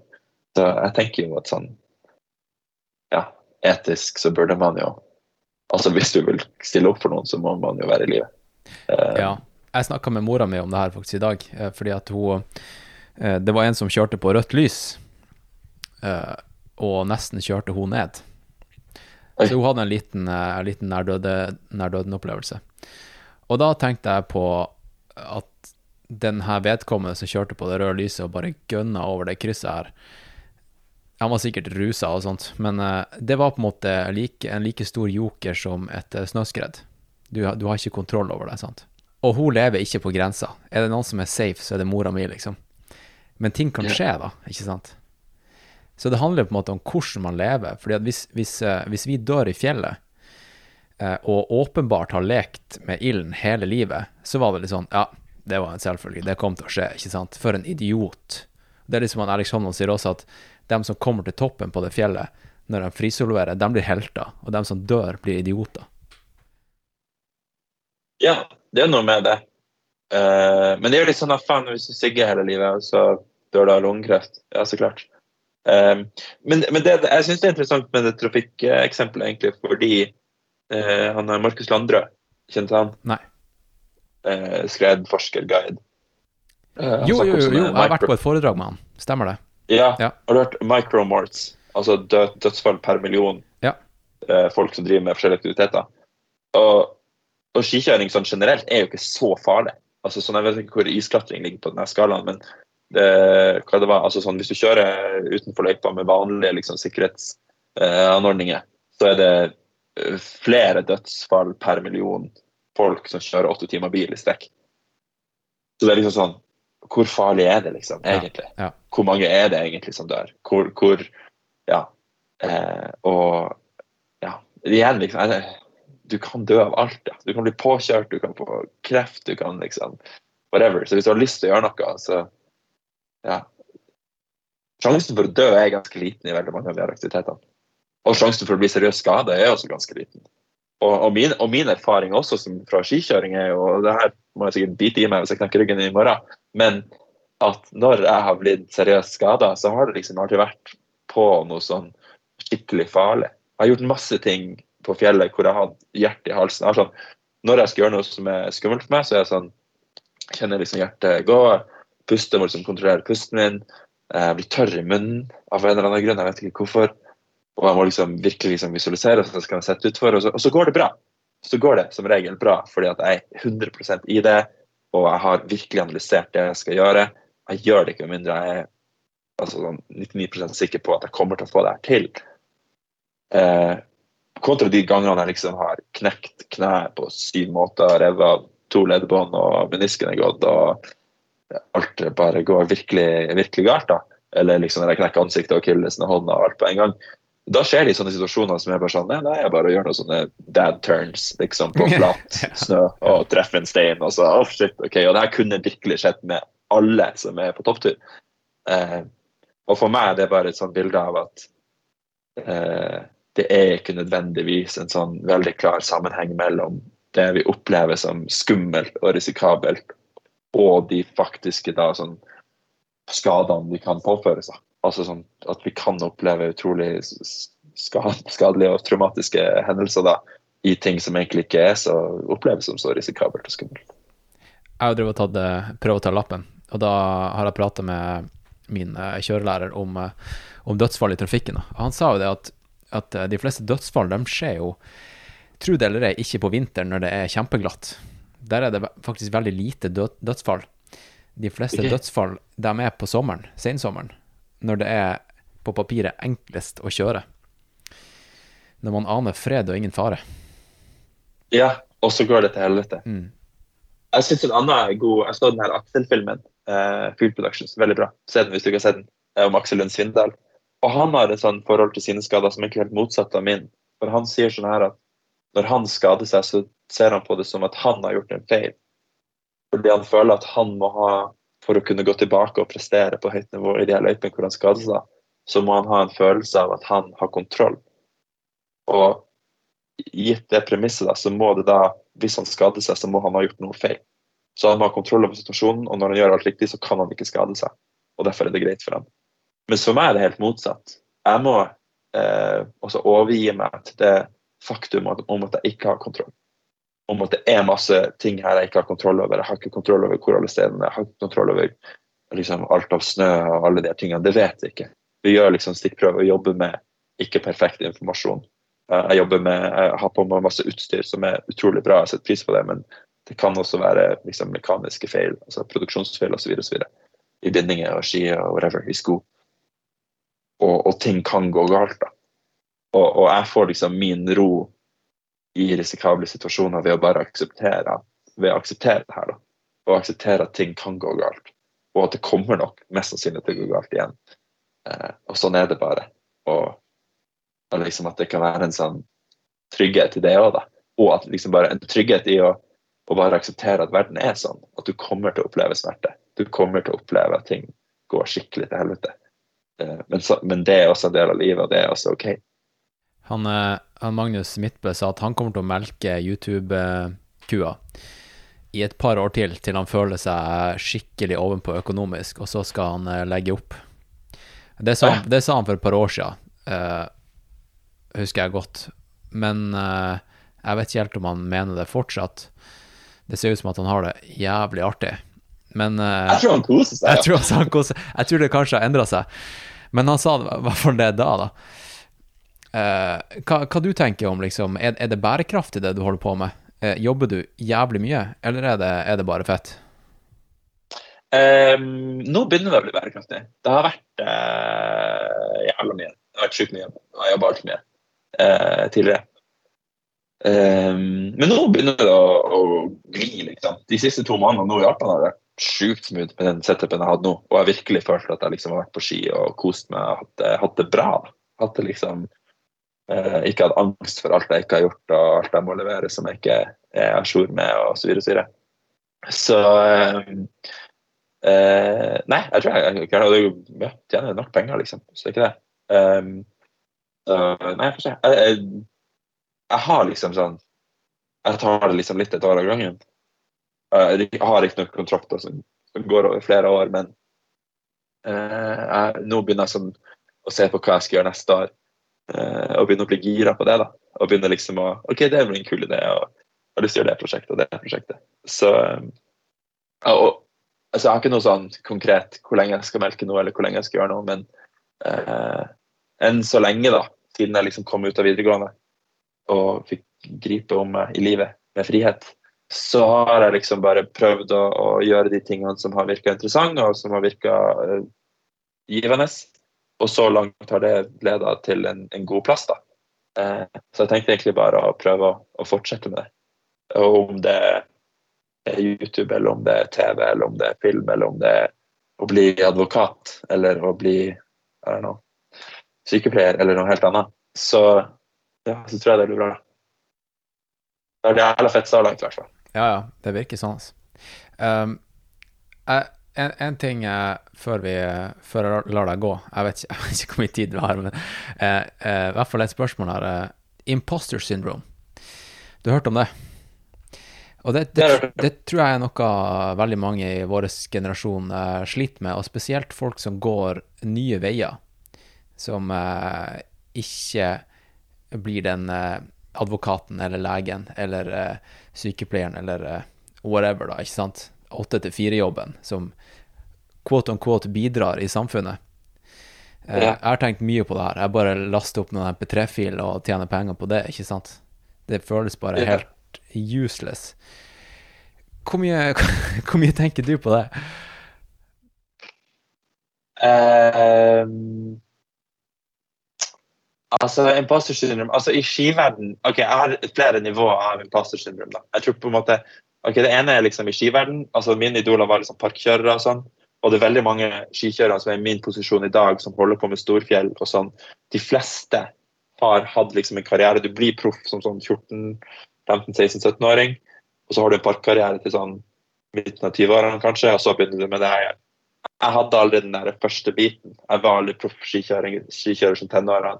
I tenårene jeg var aldri på X Games, jeg var liksom aldri inne i det. Den greia der.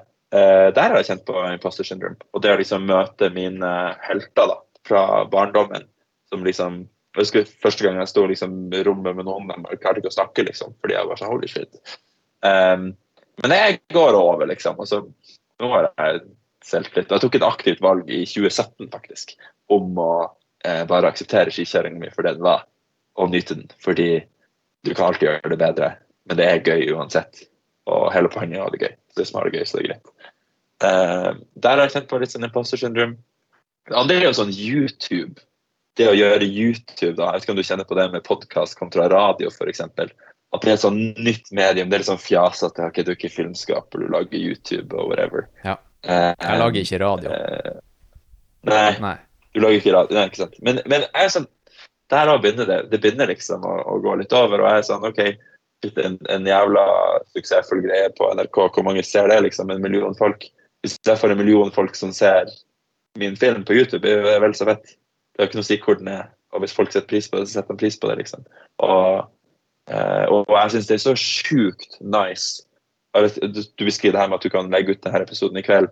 Jeg syns det er så sinnssykt nice å være utenfor alle de her eh, altså systemene og altså hvis noen som hører på har lyst til å lage en kinofilm, bare sånn, jeg vet ikke om du har lyst, fordi at det er altså, faen hvor mye prosent papirarbeid og hvor lite prosent faktisk filmskaping det er. Jeg sitter og ser på kompiser som driver og lager TV-dokumentarer, og det er bare søknad på søknad på søknad. på søknad. Mens det jeg gjør, er liksom å si til noen sponsorer sånn Hei, gutta, det her blir jævla fett. Og jenter, skal vi gjøre det? Og sånn, OK, vi gjør det. Og så gjør jeg det, og så gjør vi det, og så er vi ute, og så er det ferdig. Og det er liksom 100% fokus på å faktisk gjøre det. På å faktisk liksom skape det du gjør. Det er piratradio. Eh, eller pirat-TV. Ja. Mm. Ja. Ja, virkelig. Det er liksom bare sånn Ja, men så er det jo fortsatt proff, liksom. Han er en jævla flink lydmann og alt det der, liksom. Så det er sånn eh, Men det er interessant. Jeg tror bare at, at sånne nye medieformer tar litt tid å, å, å sette seg som noe seriøst. Det du beskriver med at ja, du er ikke helt innenfor rammen av ja, normative jobber, og derfor føles det litt sånn annerledes, da. Men uh, vet faen, bare kjør på, liksom. Masse, jeg har så mange venner som gjør sånne absurde ting som man ikke tenkte at man kunne gjøre for ikke så mange år siden. Og som har liv og har inntekter, hus og liv. altså sånn. man er så snever som barn, føler jeg. Man tenker liksom her er de retningene man kan gå.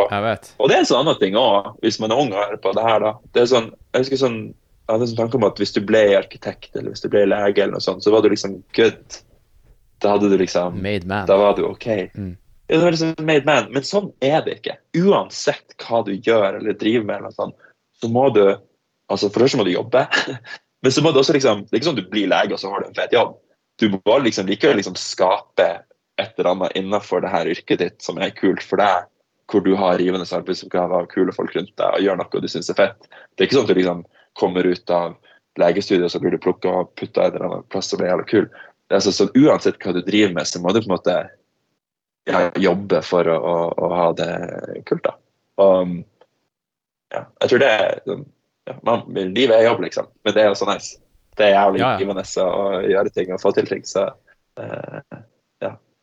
Men uh, imposter syndrome Jeg har vært litt heldig der òg, fordi at jeg studerte juss mens jeg etablerte meg som skikjører.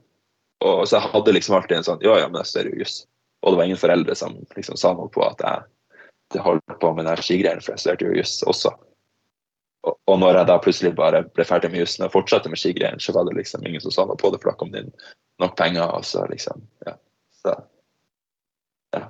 Men uh, I don't know. Ja. Man må bare gjøre det man syns er kult. Ja. ja. Nei, faen, for en fantastisk prat.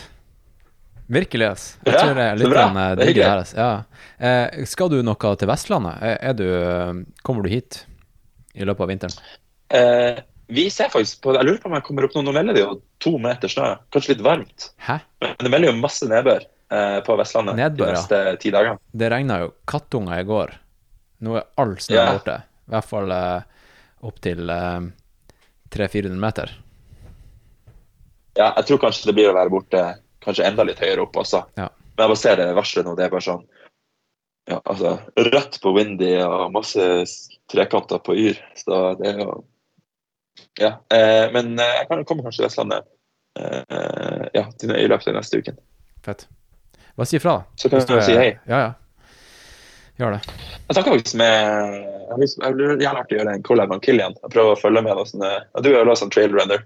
Jeg prøver å følge med folk med god kondis opp fjellet. Ja, ja. Artig å ta med noen lette ski og teste. Vi, vi skal ha en, en event her 2. februar på Tinnesenteret med, med Kilian og, um, og han eh, Bjørn Kruse og han David Lindgren. Som har, de, de tre har sammen skrevet den boka 'Steep Skiing' eh, i Koloara her i Romsdal. Så da blir det en, eh, en steep skiing-event. Det blir fett. Kult. Da kan du høre på, Det podkasten. Det blir tatt opp eh, Ja, og gitt ut som podkast. kult. Ja, det skal jeg sjekke ut. Jeg har sett, jeg har sett dem og skrevet bok. Det er jo helt sinnssykt, det de her guttene har gjort. det er helt sjukt at det finnes en bok Altså. At liksom folk skal det blir jo på en måte brukt som en type klatrefører, da. Dra ut og prøv denne linja. Det er jo en sjuke linje. Ja, det er helt sinnssykt. Men det der, er- det der er egentlig ganske interessant på ski, for det er samme med sånn uh, guideboka i Lyngen, så er det masse linjer Andreas Bransson har kjørt. Og så er det sånn, Hvorfor i alle dager skal det her stå i en guidebok? Fordi at det her er jo liksom sånn her, det her er det ingen som skal gjøre om igjen, liksom. Bortsett fra Christer. Han Finn. Men ja. Ja, det funker bra som en type coffee table book, tenker jeg, bare for å bli inspirert. Ja. Ja. ja, altså kanskje det, det er sikkert gøy for noen unge folk som ser det her og har noe å strekke seg til.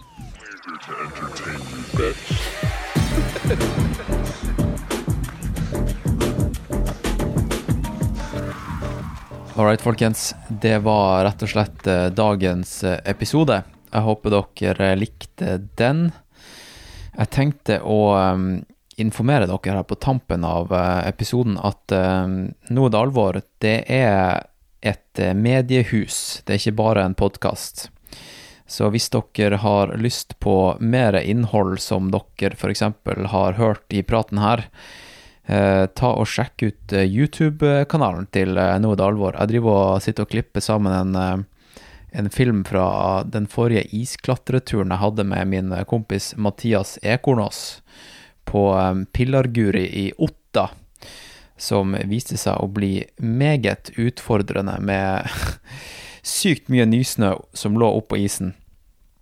Så den tror jeg dere kommer til å like, selv om dere kanskje er løpere eller skikjørere eller eh, driver med andre ting i fjellet. Eh, så den kommer på YouTube om ikke så altfor lenge. Det kommer selvfølgelig masse fete podkaster her på Spotify og iTunes fremover.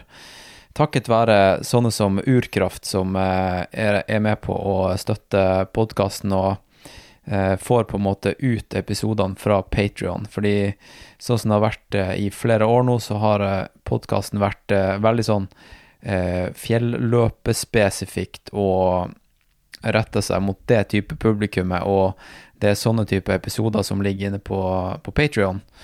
Så hvis dere har lyst på mer løpeinnhold, stikk inn på Patrion. Det er en link i shownotes.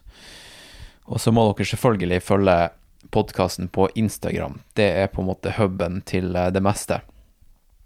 Og som ikke det var nok, så har jeg en, et ufattelig bra nyhetsbrev med linker og snacks som eh, jeg har funnet de siste par ukene, og eh, egentlig bare koke det ned til eh, det beste innholdet jeg har funnet på internett. Av filmer, sånn som f.eks. den siste filmen til Nicolai Schirmer, som i denne Topside-serien, som ble lagt ut i Skal vi se, det var vel mandag 13. februar, tror jeg. Her var det kanskje litt mye info, men uh, hvis det var noe her som hørtes interessant ut, ta og scroll ned i shownotes, og så kan dere trykke, trykke dere videre på linker. All right. Vi, eh, vi, snakkes i neste episode, da, folkens. Den, eh, den neste, den blir eh, Det var en, en live-event som ble gjort her i Åndalsnes, på Tinnesenteret. Med han Bjørn Kruse og David Lindgren, som er to av tre forfattere boka som heter 'Couloir and Steep Skiing in Romsdal'. Den tredje forfatteren, Kilian Jornet, han eh, kunne dessverre ikke komme. Men eh, det ble en eh, solid prat, altså, med to, to mannfolk som har svart belte i bratt skikjøring. Det er jo ganske relevant til den praten med Nicolai Schirmer, da. Lyden ble ikke helt optimal der, men jeg tror den skal være ganske lyttbar. Og den kommer også på YouTube, så klikk dere inn på YouTube subscribe på um, Noe det alvor der inne, så får dere beskjed når den blir lagt ut. Neste live-event det er på uh, Tinnesenteret 24.2 her i Åndalsnes. Og det er da i denne serien som vi kaller for Tinnerangling. Eh, og det er en prat med han Kyrre Østbø, som er rektor på Norsk fjellfagskole rett og slett. Og vi skal snakke om Nortind og det å sertifisere seg som guide i Norge. Hvorfor skal man egentlig gidde å gjøre det, altså, når eh, guide ikke er en beskytta tittel? Jeg kan jo f.eks. bare kalle meg for en guide og ta betalt for eh, å guide folk rundt i fjellet. Så hvorfor skal folk gidde å gjøre det? Vi skal snakke om risiko i fjellet, hvordan man skal holde seg trygg. Og um, bli kjent med Akyrre. Det tror jeg kan bli en uh, fantastisk uh, fet aften. Så hvis du er i, i Åndalsnes uh, neste uke, dvs. Si, 24. februar, stikk innom, da. Stikk innom, og så hilser dere på. Jeg deler ut noen stickers. Kanskje kommer det litt urkraftprodukter som dere kan snakke på. Og så snakkes vi der. OK? Over og ut. Roger og Knut. Eller det hadde jo ikke sugd engang, for det kan ikke suge, for det er ikke noe subjekt som det kan suge for.